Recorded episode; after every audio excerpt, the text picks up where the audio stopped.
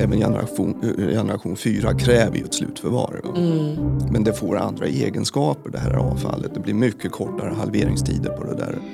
Behovet av el är stort i vårt land och vid sidan av satsningen på förnybar elproduktion så står kärnkraften för cirka 35 procent av energiproduktionen i Sverige.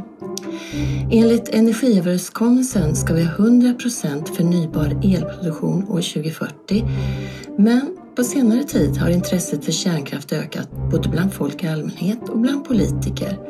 Enligt Arne Håkansson vid Uppsala universitet har även kärnkraftsforskningen fått ny fart och medan hans forskning främst riktade in sig på säkerheten kring kärnkraften så går utvecklingen mot små modulära kärnkraftverk som återanvänder redan använt kärnbränsle. Du lyssnar på Forskarpodden vid Uppsala universitet. Det här avsnittet produceras av mig, Gunilla Styr.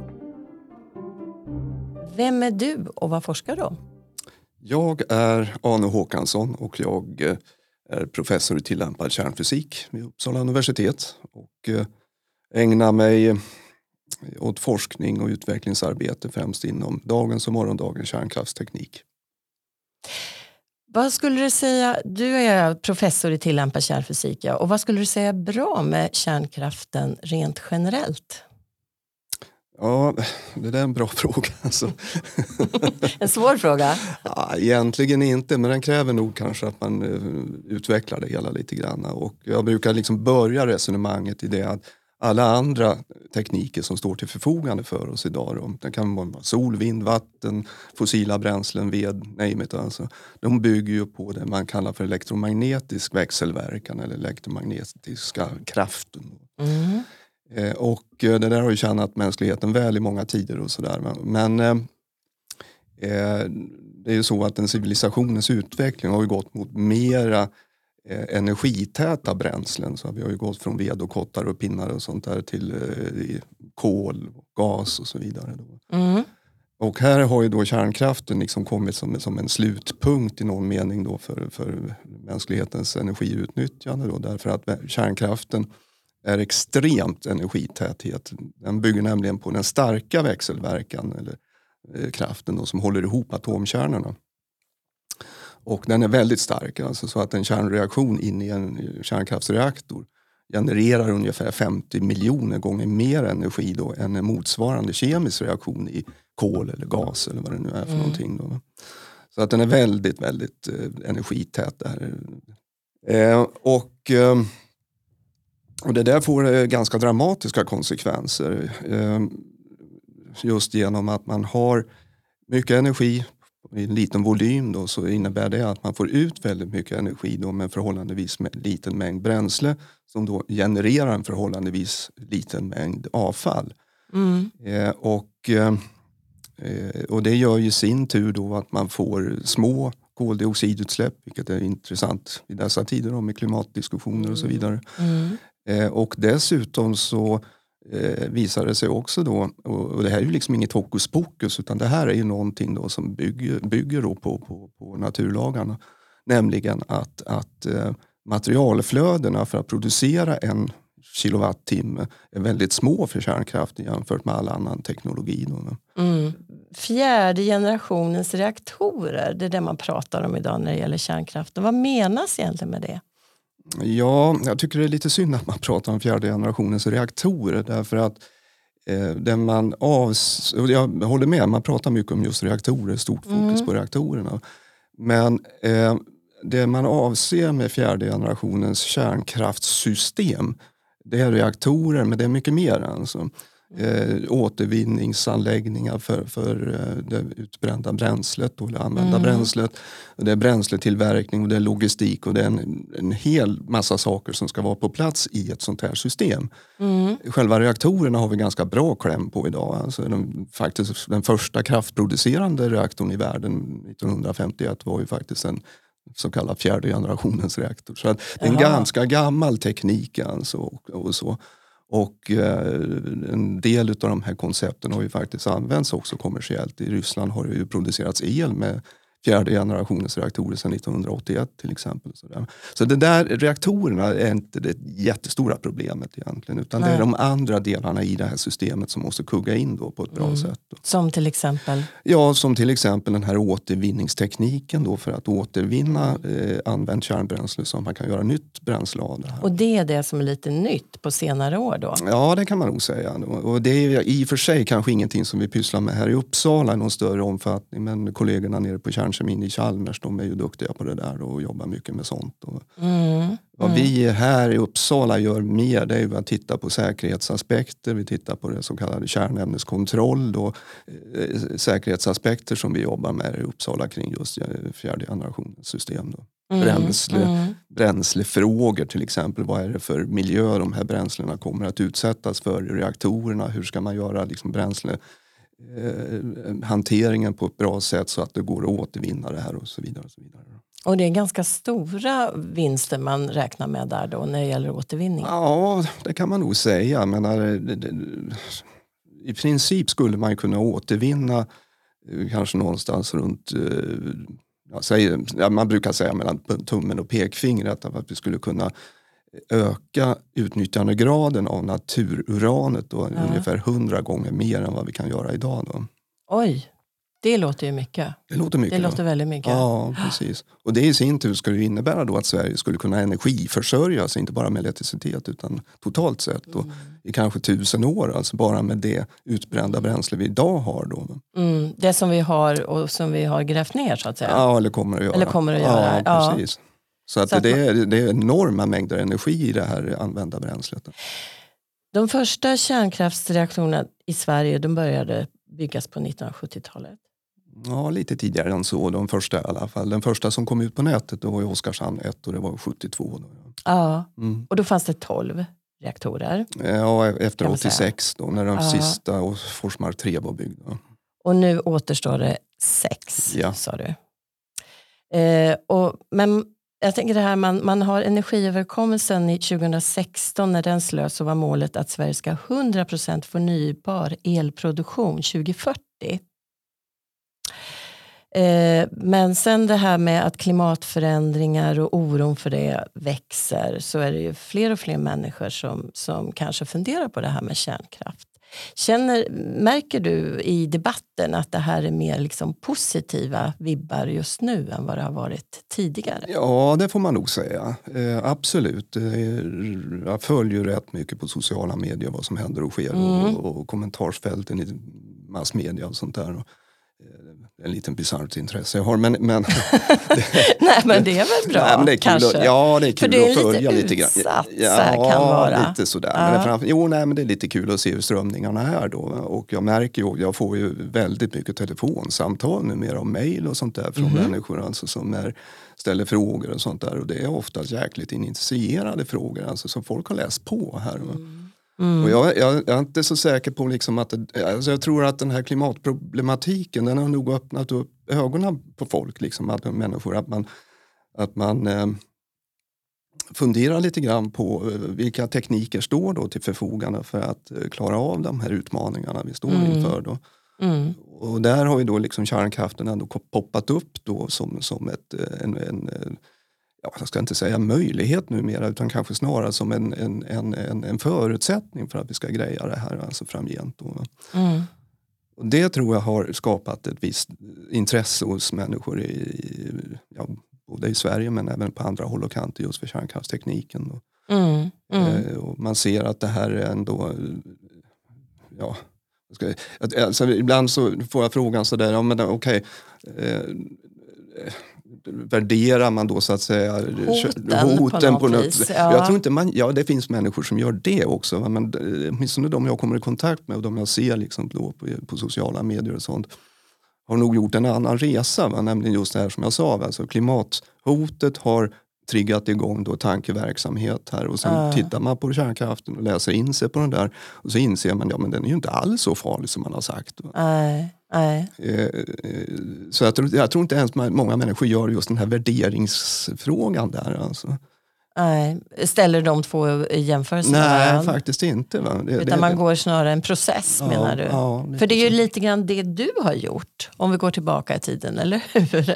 ja, När det var 1980 så var det en stor folkomröstning i Sverige om eh, vi skulle ha kärnkraft eller ej. Och du röstade på nej till atomkraft. Nej, men alltså, det, det, alltså, i ungdomens år så gjorde jag som många andra på den där tiden. Man var ute liksom och flöjade runt på vänsterkanten där och sånt där. Och, och, och vänster, vänstern var inte särskilt förtjust i kärnkraft om man säger så. Då. Eh, oklart varför och eh, oklart varför kolkraft skulle vara bättre. Då. Mm. Var man medveten, jag var ju med på den tiden också, men eh, rent generellt medveten om faran med kolkraft visavi eh, Ja, kärnkraft? men det då? var man ju. Menar, vi hade ju de här sura regnen då som föll över Sverige. Det var ju Ja. stora insatser man gjorde, kalka sjöar och sånt där för att försöka klara ut det där. Så det fanns nog ändå en medvetenhet. Men jag tror att, eh, eller tror, jag, jag vet ju att, att eh, vänsterns motstånd på den tiden mot kärnkraften hade ju inte ett dugg att göra med att den skulle vara farlig eller inte ens eh, att det skulle vara problem med något avfall eller något sånt där. Va? Utan det var ju liksom det att man såg kärnkraften som en storskalig produktion och hej och hå. Och det gick ju på, helt på clinch med, med liksom 70-talets idé att man skulle köpa sig en stuga ute i skogen och, och odla potatis och spela gitarr. Liksom. och, och, och, alltså småskalighet och hela den där grejen. Va? Fast samtidigt hade du Harrisburg där, 79. Ja, det kom ju... Det kom ju innan den här folkomröstningen så det Ja, var ju ett hot ändå. Ja, ja, men grejen var att fram till 79 så var det nog rätt mycket det här som man säger, ute med i pörterna i Ja, skogen och ute sådär. i gröna vågen ja, lite precis, så. Ja. Eh, och sådär. Eh, Och det där fick man ju inte med sig arbetarklassen på. De, de ville ju jobba i sina fabriker och tjäna pengar. och då behövdes det kärnkraft. Liksom. Så att Ja. det, det, det var inte så populärt det där. Eh, och sen kom ju då den här olyckan i Three Mile Island då, i Harrisburg då, 79. Va? Mm. Och då fick man ju helt plötsligt någonting annat att hänga upp det här kärnkraftsmotståndet på, nämligen att kärnkraften skulle vara farlig. Då? Ja. Och, och, och då fick man ju med sig mer folk om man säger så. Då. Ja. Varför jag tänkte om, ja hörru du, det var, det var liksom inte några sådana här eh, eureka eh, moment precis utan det var väl mer en process det också. Men jag kommer ihåg i alla fall, det var ett par sådana där milstolpar ändå tror jag det var. Det ena var ju den här berömda monologen av Tage Danielsson om sannolikheter. Just där, va? Det. När jag lyssnade på det här första gången, alltså jag, ärligt jag blev riktigt förbannad på det där. Alltså för Du blev förbannad Ja. medan andra skrattade. jag hade tyckte det var jättekul. Nej men jag, alltså, jag, det är ju ord, ekvilibristiskt av, av stora mått och sådär. Men, men um, en massa ordstaplar på men det, det saknar ju innehåll de här orden på något sätt. Det reagerar jag på. Och jag tyckte också liksom den här hanteringen av sannolikhetsbegreppet, det var ju fullständigt erbarmligt. Alltså. Så någonstans där tror jag att det ändå landade liksom ett frö i skallen. Och, vad är det man är så starkt emot då? Mm. Jag var ju mer på fritiden för då var, jag doktorand då i, mera Mm. ska vi säga, grundläggande kärnfysik. Då. Eh, och, och jag började titta lite grann på vad är det som så att säga, är fundamentet för välfärdssamhället och civilisationen och sånt där. Ja, det är ju då en vettig energiförsörjning och sådana här saker. Så att jag började läsa massa samhällsvetenskapliga böcker och, och sådär. Mm. Så, så på den vägen är det. Då. Sen disputerade jag ju då just i den här mer grundläggande kärnfysiken 1988 och gick och skrotade något halvår eller något sånt där. Och sen så fick en, eh, en kollega till mig, Anders Bäcklin, då en förfrågan från dåvarande Statens kärnkraftsinspektion om vi kunde hjälpa till med problem man hade. Då.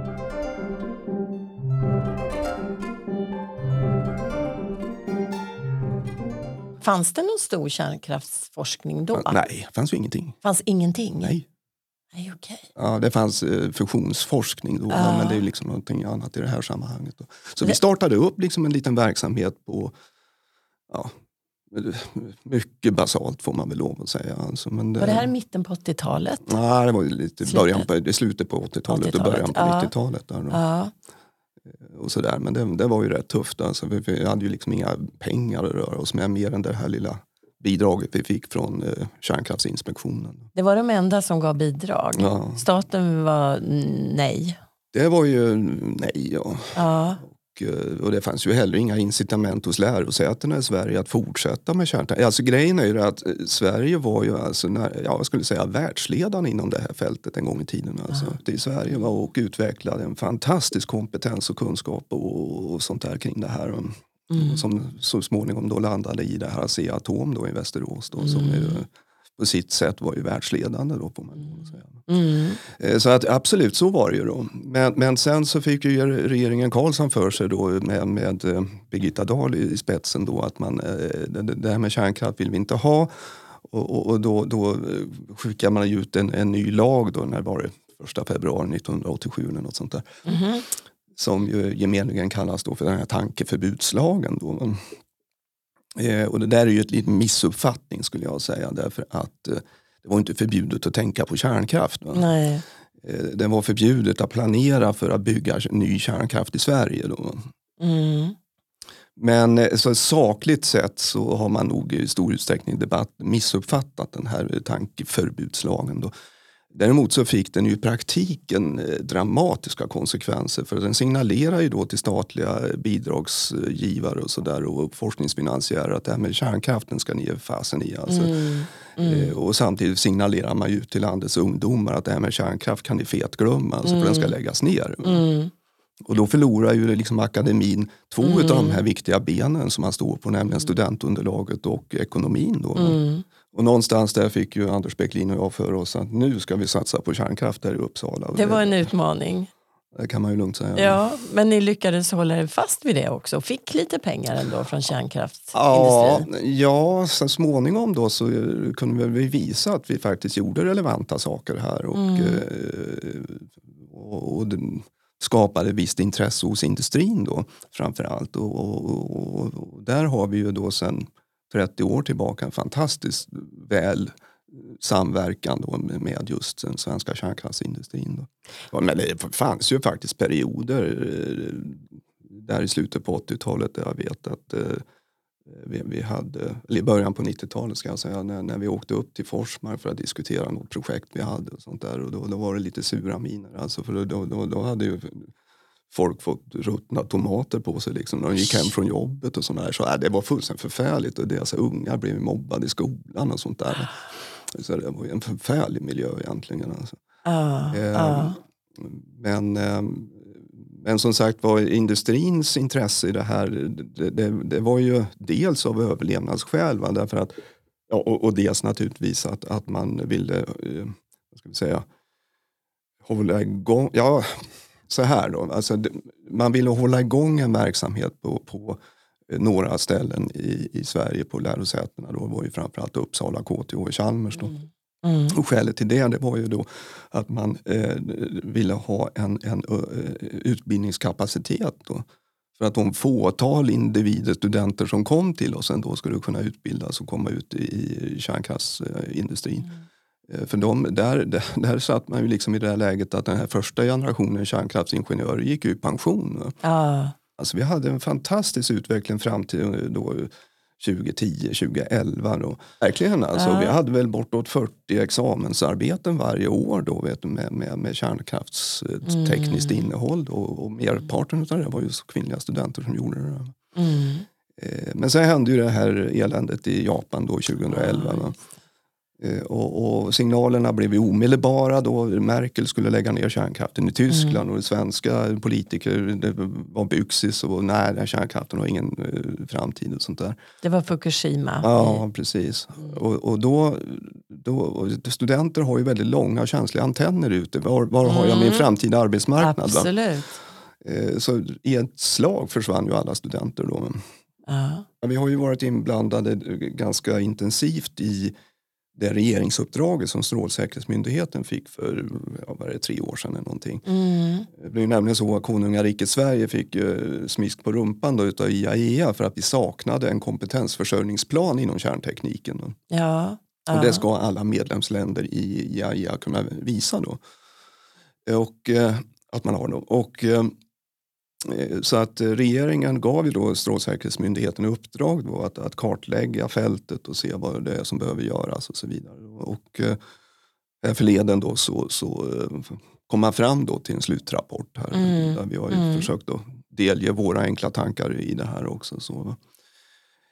Eh, och där har vi ju pekat på, tyvärr kanske inte framgår så tydligt i den där rapporten, men, men vi har ju pekat på vikten av också att eh, ja, politiken gör ju vad de vill så att säga, men att de svenska myndigheterna faktiskt också pekar på eh, hur viktigt det här är ur ett nationellt perspektiv.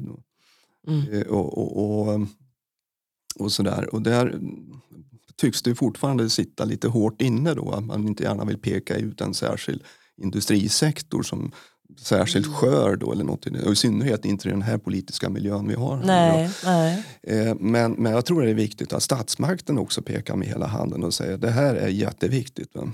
Och signalera till landets ungdomar att jo men här finns det en framtid och här kommer att behövas massa människor. Alltså, så vi, har, vi kan ju se då på de här opinionsundersökningarna över tid att kärnkraftsacceptansen ökar ju hela tiden i Sverige. Då. Så det är ju närmare 70 procent av svenskarna idag som eh, tycker att ja, men kärnkraft är nog inte så dumt. Alltså. Hur ser man det? Från vilka undersökningar då? Ja, till exempel de som eh, görs i eh, ja, som institutet och de här okay. andra. Ja. ja. Det, det, tycker jag är lite intressant. Ja. Alltså. Hur stor del av energin i Sverige idag eh, har kärnkraften? Eller ger känd? Ja, låt oss säga att det ligger någonstans runt 35 procent. Då. då mm. har det mm. gått då från närmare 50 procent till 35 procent. Mm. mm. Och det betyder ju att vi får en större import då från kontinenten i södra delen av Sverige. Äh, av Sverige då. Och, och, den är ju eh, ja, den elen är ju producerad främst då med fossila. Mm. Och det gör ju då att de svenska utsläppen eller det som läggs på de svenska utsläppskontot, det ökar ju från år till år nu. Då. Mm, mm. Är det så man ska ha det? Mm. Det kan man ju fundera. Mm. Men du ser ingen konflikt i att satsa på både förnyelsebar och eh, kärnkraft? Nej, alltså det jag ser konflikt på, jag brukar en idiots envishet hävda det när du säger förnyelsebar. Jag tycker inte om det ordet ärligt talat. Alltså. Eh, eh den saknar vetenskaplig definition, det begreppet. Jag, jag, tycker inte att man ska liksom bygga samhälle på någonting som är så fluffigt alltså som förnyelsebart. För det, jag menar, vägen fram till produktionen av så kallad förnyelsebar energi är ju långt ifrån förnybar. Ja, man säger så. det är sant. Det kostar mycket energi. Ja, ja och framförallt går det åt väldigt mycket material och en del kinkiga material mm, också som idag mm. börjar betraktas lite grann som bristvara och liksom strategiska material. Eh, där Kina till exempel mm. har då liksom 85 procent av världsmarknaden mm. och eh, styr och ställer helt och hållet vem som ska ha och vem som inte får ha och så vidare.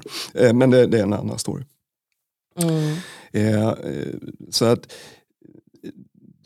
alltså det, det ibland förundras jag lite grann i debatten för att det brukar ju hävdas liksom att ja, men vi måste strunta i kärnkraften och utveckla den och lägga ner det här för den står i vägen för det då förnybara energiproduktionen. Mm. Mm. Eh, jag skulle säga att det är väl kanske precis, i nuläget precis tvärtom. Alltså det går väldigt mycket pengar alltså från statsmakten till forskning och utveckling av då förnybar energi. Mm eh, alldeles oaktat eh, en hel del vad ska vi säga då, lättnader som den industrigrenen då får i förhållande mm. till till exempel vatten och kärnkraften. Man kan med fog faktiskt säga att det är snarast tvärtom. Alltså, mm. det, eh, och, och, så. Eh, men alltså problemet som jag tror få människor liksom kanske inte har klart för sig och, och, inte minst politiken, det är ju det här att, att, att eh, vi är ett väldigt avlångt land. Och, mm. Vi har stora produktionsresurser uppe i norr och eh, en stor del av den där elen måste nu då tryckas ner till södra delen mm. av Sverige. Och då börjar man ju prata om det här att man har överföringskapacitets, eh, överföringsproblem med kapa, överföringskapaciteten. Mm. Då, och sådär. Mm. Eh, och det där är en sanning med modifikation. Alltså därför att eh, om man pumpar in så mycket då intermittent kraft som man tänker sig att man ska göra då från norrländska vindkraftsanläggningar och så vidare ja, då måste man ha liksom i andra änden på den där skarvsladden alltså någon form av planerbar elproduktion för att mm. stabilisera det här nätet. Mm. Så faktum är att på pappret har vi faktiskt en ganska bra överföringskapacitet i Sverige. Men beroende på att man har plockat bort de där 4 gigawatten kärnkraft i söder va, så kan vi bara utnyttja den där kapaciteten till ungefär 60 procent idag. Mm, Det, okej. det hjälper liksom inte att bygga fler kablar upp till Norrland. Då. Nej, det blir inte mer att ta av. Nej, Men ser du ingen farlighet i kärnkraften? Ja, jag menar, all teknik, det finns ju ingenting som är 100% säkert. Så är det ju. Nej. Eh, och, och, och det kan jag väl säga också att, eh, apropå det tidigare resonemanget, alltså, eh, jag tittade ju då där i början på 80-talet, vad var det som hände i Harrisburg till exempel? Mm.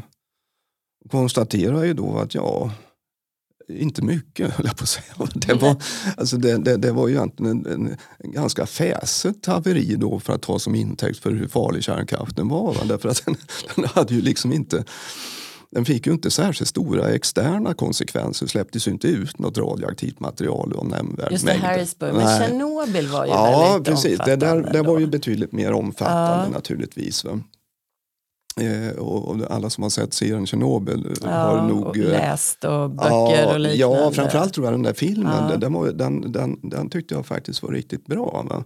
Mm. Och, och det intressanta är ju där att det, det ser man också i, eh, liksom i, de, säga, i de kommentarsfält och sånt där som jag följer och även kollegor som följer det där.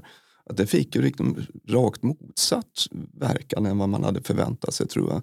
Att, att- vad tar filmen fick det? Ja, precis. Alltså, därför att man insåg att ja, men det här var ju en ganska röten teknologi man använde i gamla Sovjet. Och det dessutom var det ett samhällssystem som eh, gjorde liksom att, att whistleblowers och sånt där sattes i Gulag och såna här grejer. Ja, Alltså, det- man, man insåg att det här behöver nog inte tas som intäkt för att kärnkrafttekniken generellt skulle vara farlig. dålig eller farlig. Eller sådär. Sen är det ju själva reaktorkonstruktionen var ju ett sånt slag som västvärlden förkastade redan på 60-talet för att den under vissa driftssituationer kunde bli rejält farlig. Va?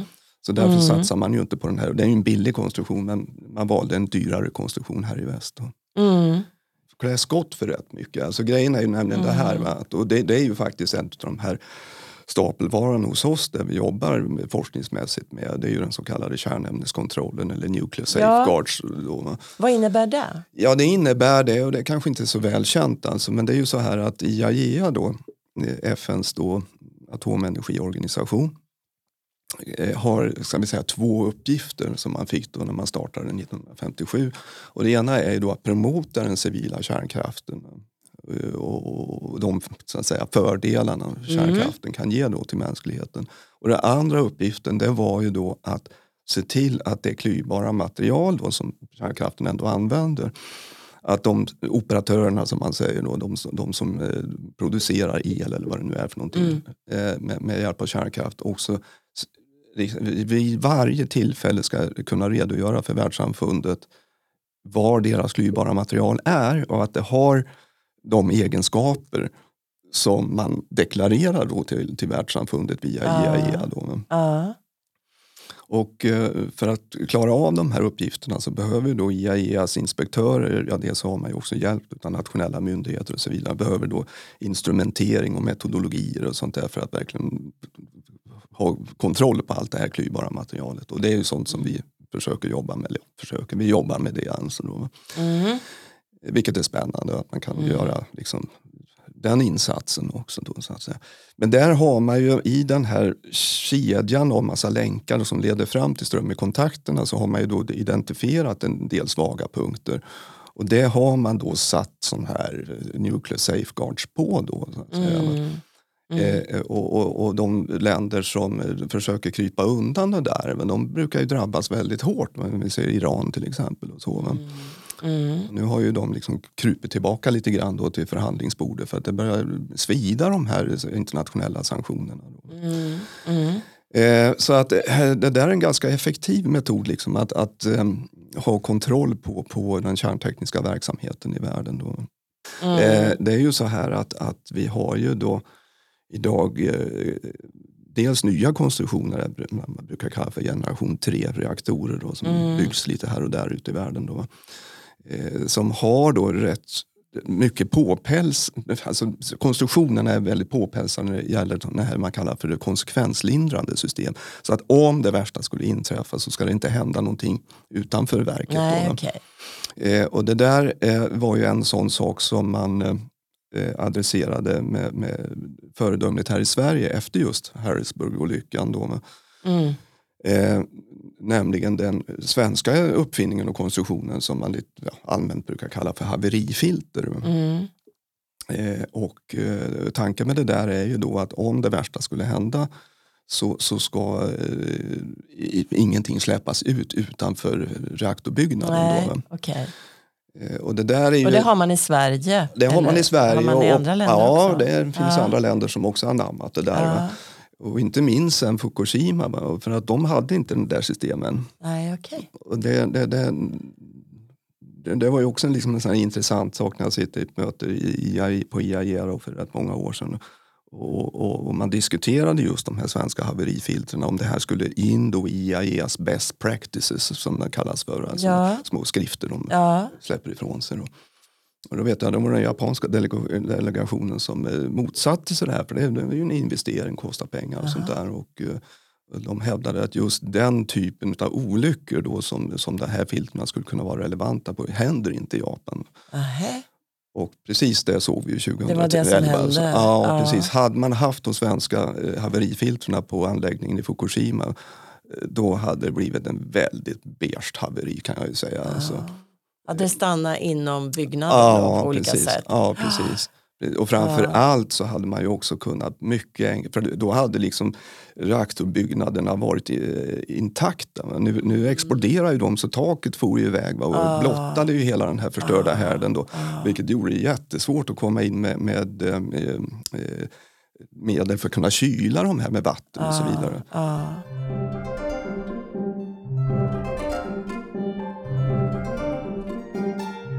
Mm. Det har ju varit en stor diskussion i Sverige. Vad, vad är din uppfattning om det? Finns det ett säkert avfall? För nu är det ju att man ska återanvända, enligt dig då, kunna återanvända ganska mycket av det här Ja. använda avfallet. Men resten, någonstans blir det ju en rest, eller Ja, hur? det gör det. Eh, absolut. Men om vi lämnar då generation 4 eh, åt sitt öde, för, för, för nu i alla fall, Ja, eh, så är det ju så här att vi har ju då eh, eh, arbetat med forskning och utveckling i 40 år då med, med, med den här tekniken som man nu mm. eh, tänker sig då att implementera. Och där har vi också faktiskt haft en hel del med fingrar med i det utvecklingsarbetet genom åren också. Mm.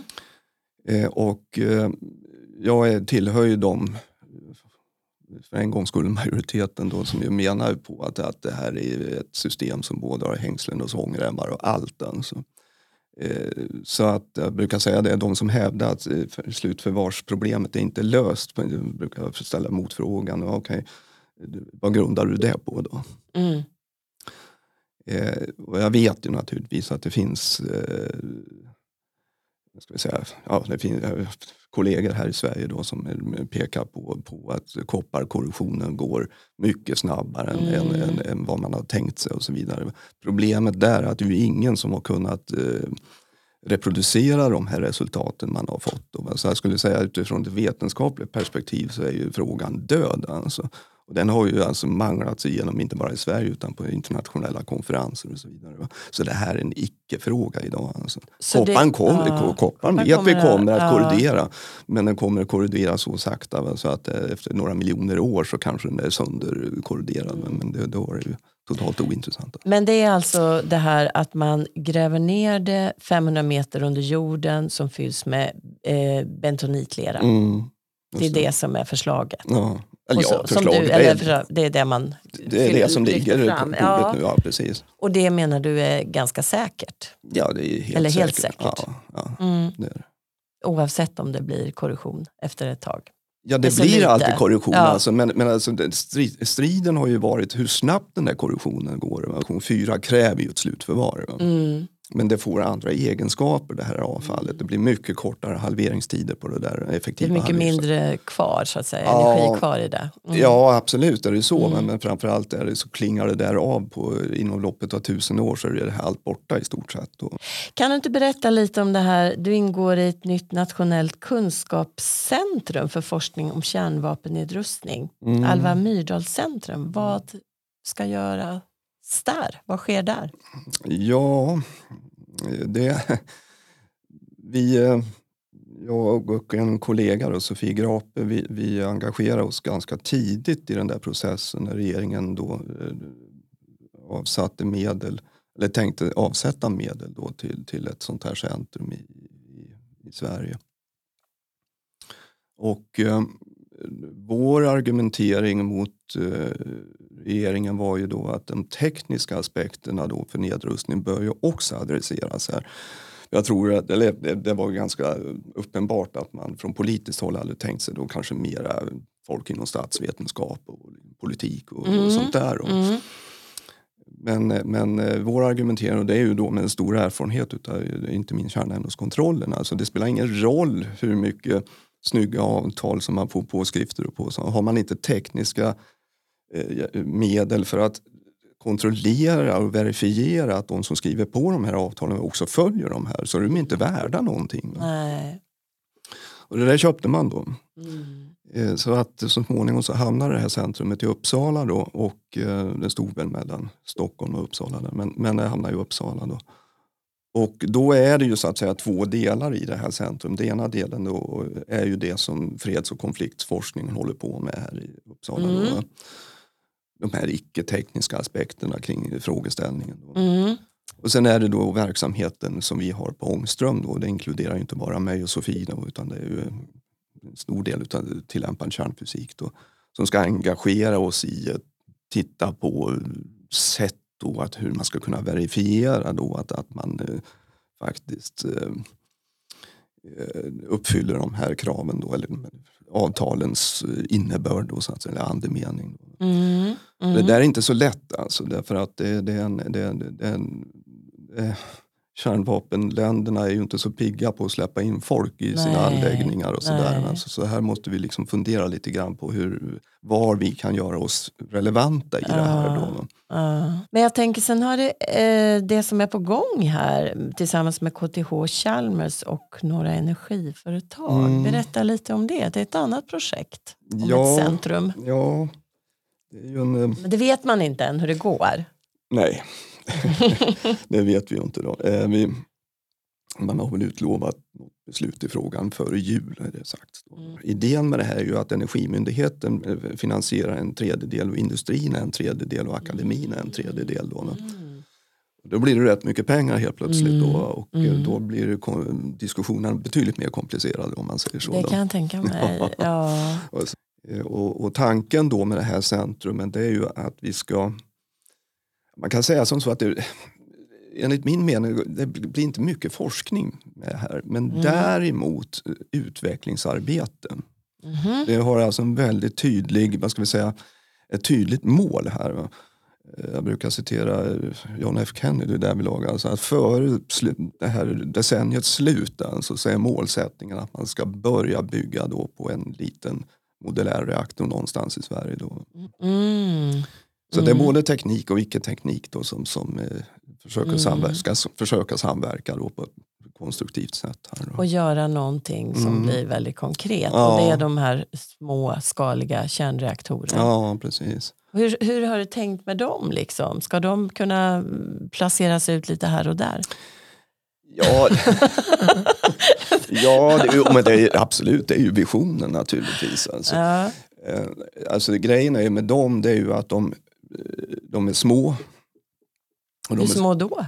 Eh, ja, I effekten så är det väl, då, brukar man säga upp till 300 megawatt elektrisk effekt. Och, och eh, vad ska vi säga, storleksmässigt så, så, så är de ju ungefär som den nya ångpannan som man eh, monterade in på, i Boländerna här på Vattenfalls. Oj, Ja, så små? ja. Jaha. Så att eh, det, det är ganska smidiga små burkar det där alltså. Och de är ju Ah. konstruerade då med det här man kallar en passiv säkerhet och så vidare. Då. Så de ska vara liksom walk away safe. Att skulle någonting gå åt skogen ja, då släcker man ner alltihopa, går ut genom dörren, låser och går därifrån och så får den där stå och lugna ner sig på egen hand. Alltså, mm. Det är lite så det är tänkt. Då, mm. eh, och, eh, och de här är ju då tänkta att kunna användas eh, där man idag har svårt att få planerbar eh, produktion av nyttig energi. Då.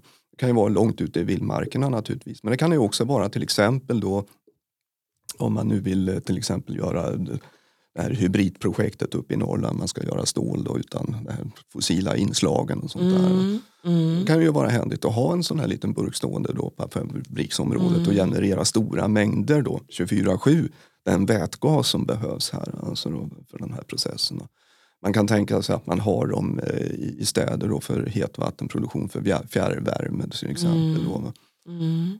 Och där är vi rätt duktiga på just det, det, det synsättet. Den lilla Ågesta-reaktorn utanför Stockholm alltså som, mm. som var det, det var ju en av världens absolut första såna här eh, liten modulär reaktor alltså, som mm. producerade just då fjärrvärme och, och el. Mm. mm. Så, så är ju visionen. Nu tror jag väl inte det första man gör är att sprida de här burkarna över hela Sverige. här. För där finns ju också ett, ett sån inslag då just med kärnämneskontroll. Alltså att världssamfundet måste då ha koll på att de här burkarna står där de står, står där, och ja, att man inte håller på att mickla med dem och plockar ut klyvbart material. Om och att folk vet vad de gör, de som jobbar med de här. Ja absolut, så är det också. De har ju fått sina licenser och sådär och uh, blir ju liksom tillgängliga här inom något år eller några år. Mm. Sådär. Mm. Och det är ju beautyn här alltså med de här små modulära reaktorerna just med licensieringar. Därför att idag när vi bygger eh, kärnkraftverk så licensierar kärnkraftverken på individbasis och det är det, det, det, är det som gör det så oändligt tungt och, och, och dyrt och komplicerat eh, processer att få de här på plats. Jag kan ju se till exempel de här finska, ja, det finska exemplet då, som är väl 12 år försenat eller något sånt där. Mm. Mm. Medan de här små modulära reaktorerna de är ju tänkta att licensieras på typbasis. Ungefär som vi gjorde här i Sverige en gång i tiden, alltså när vi liksom rullade ut 12 reaktorer inom loppet av 13 år. De här mm. reaktorerna mm. Som, som konstruerades i, i, i Västerås då, de fick ju liksom en licens då för, för sin konstruktion och sen var det bara att rulla ut dem. Då. Okay. Då, så, så är det ju mm. tänkt med de här små mm. modulära reaktorerna. Att de är fabrikstillverkade, de har liksom en mass. Mm. Och, och, och, och, och de är liksom typ godkända så att säga. Så köper man det här så vet man okej okay, då, då är det bara att sätta upp den, ja, bara inom situationstecken. Mm. Men i alla är man källaren då? Ja, lite så ja.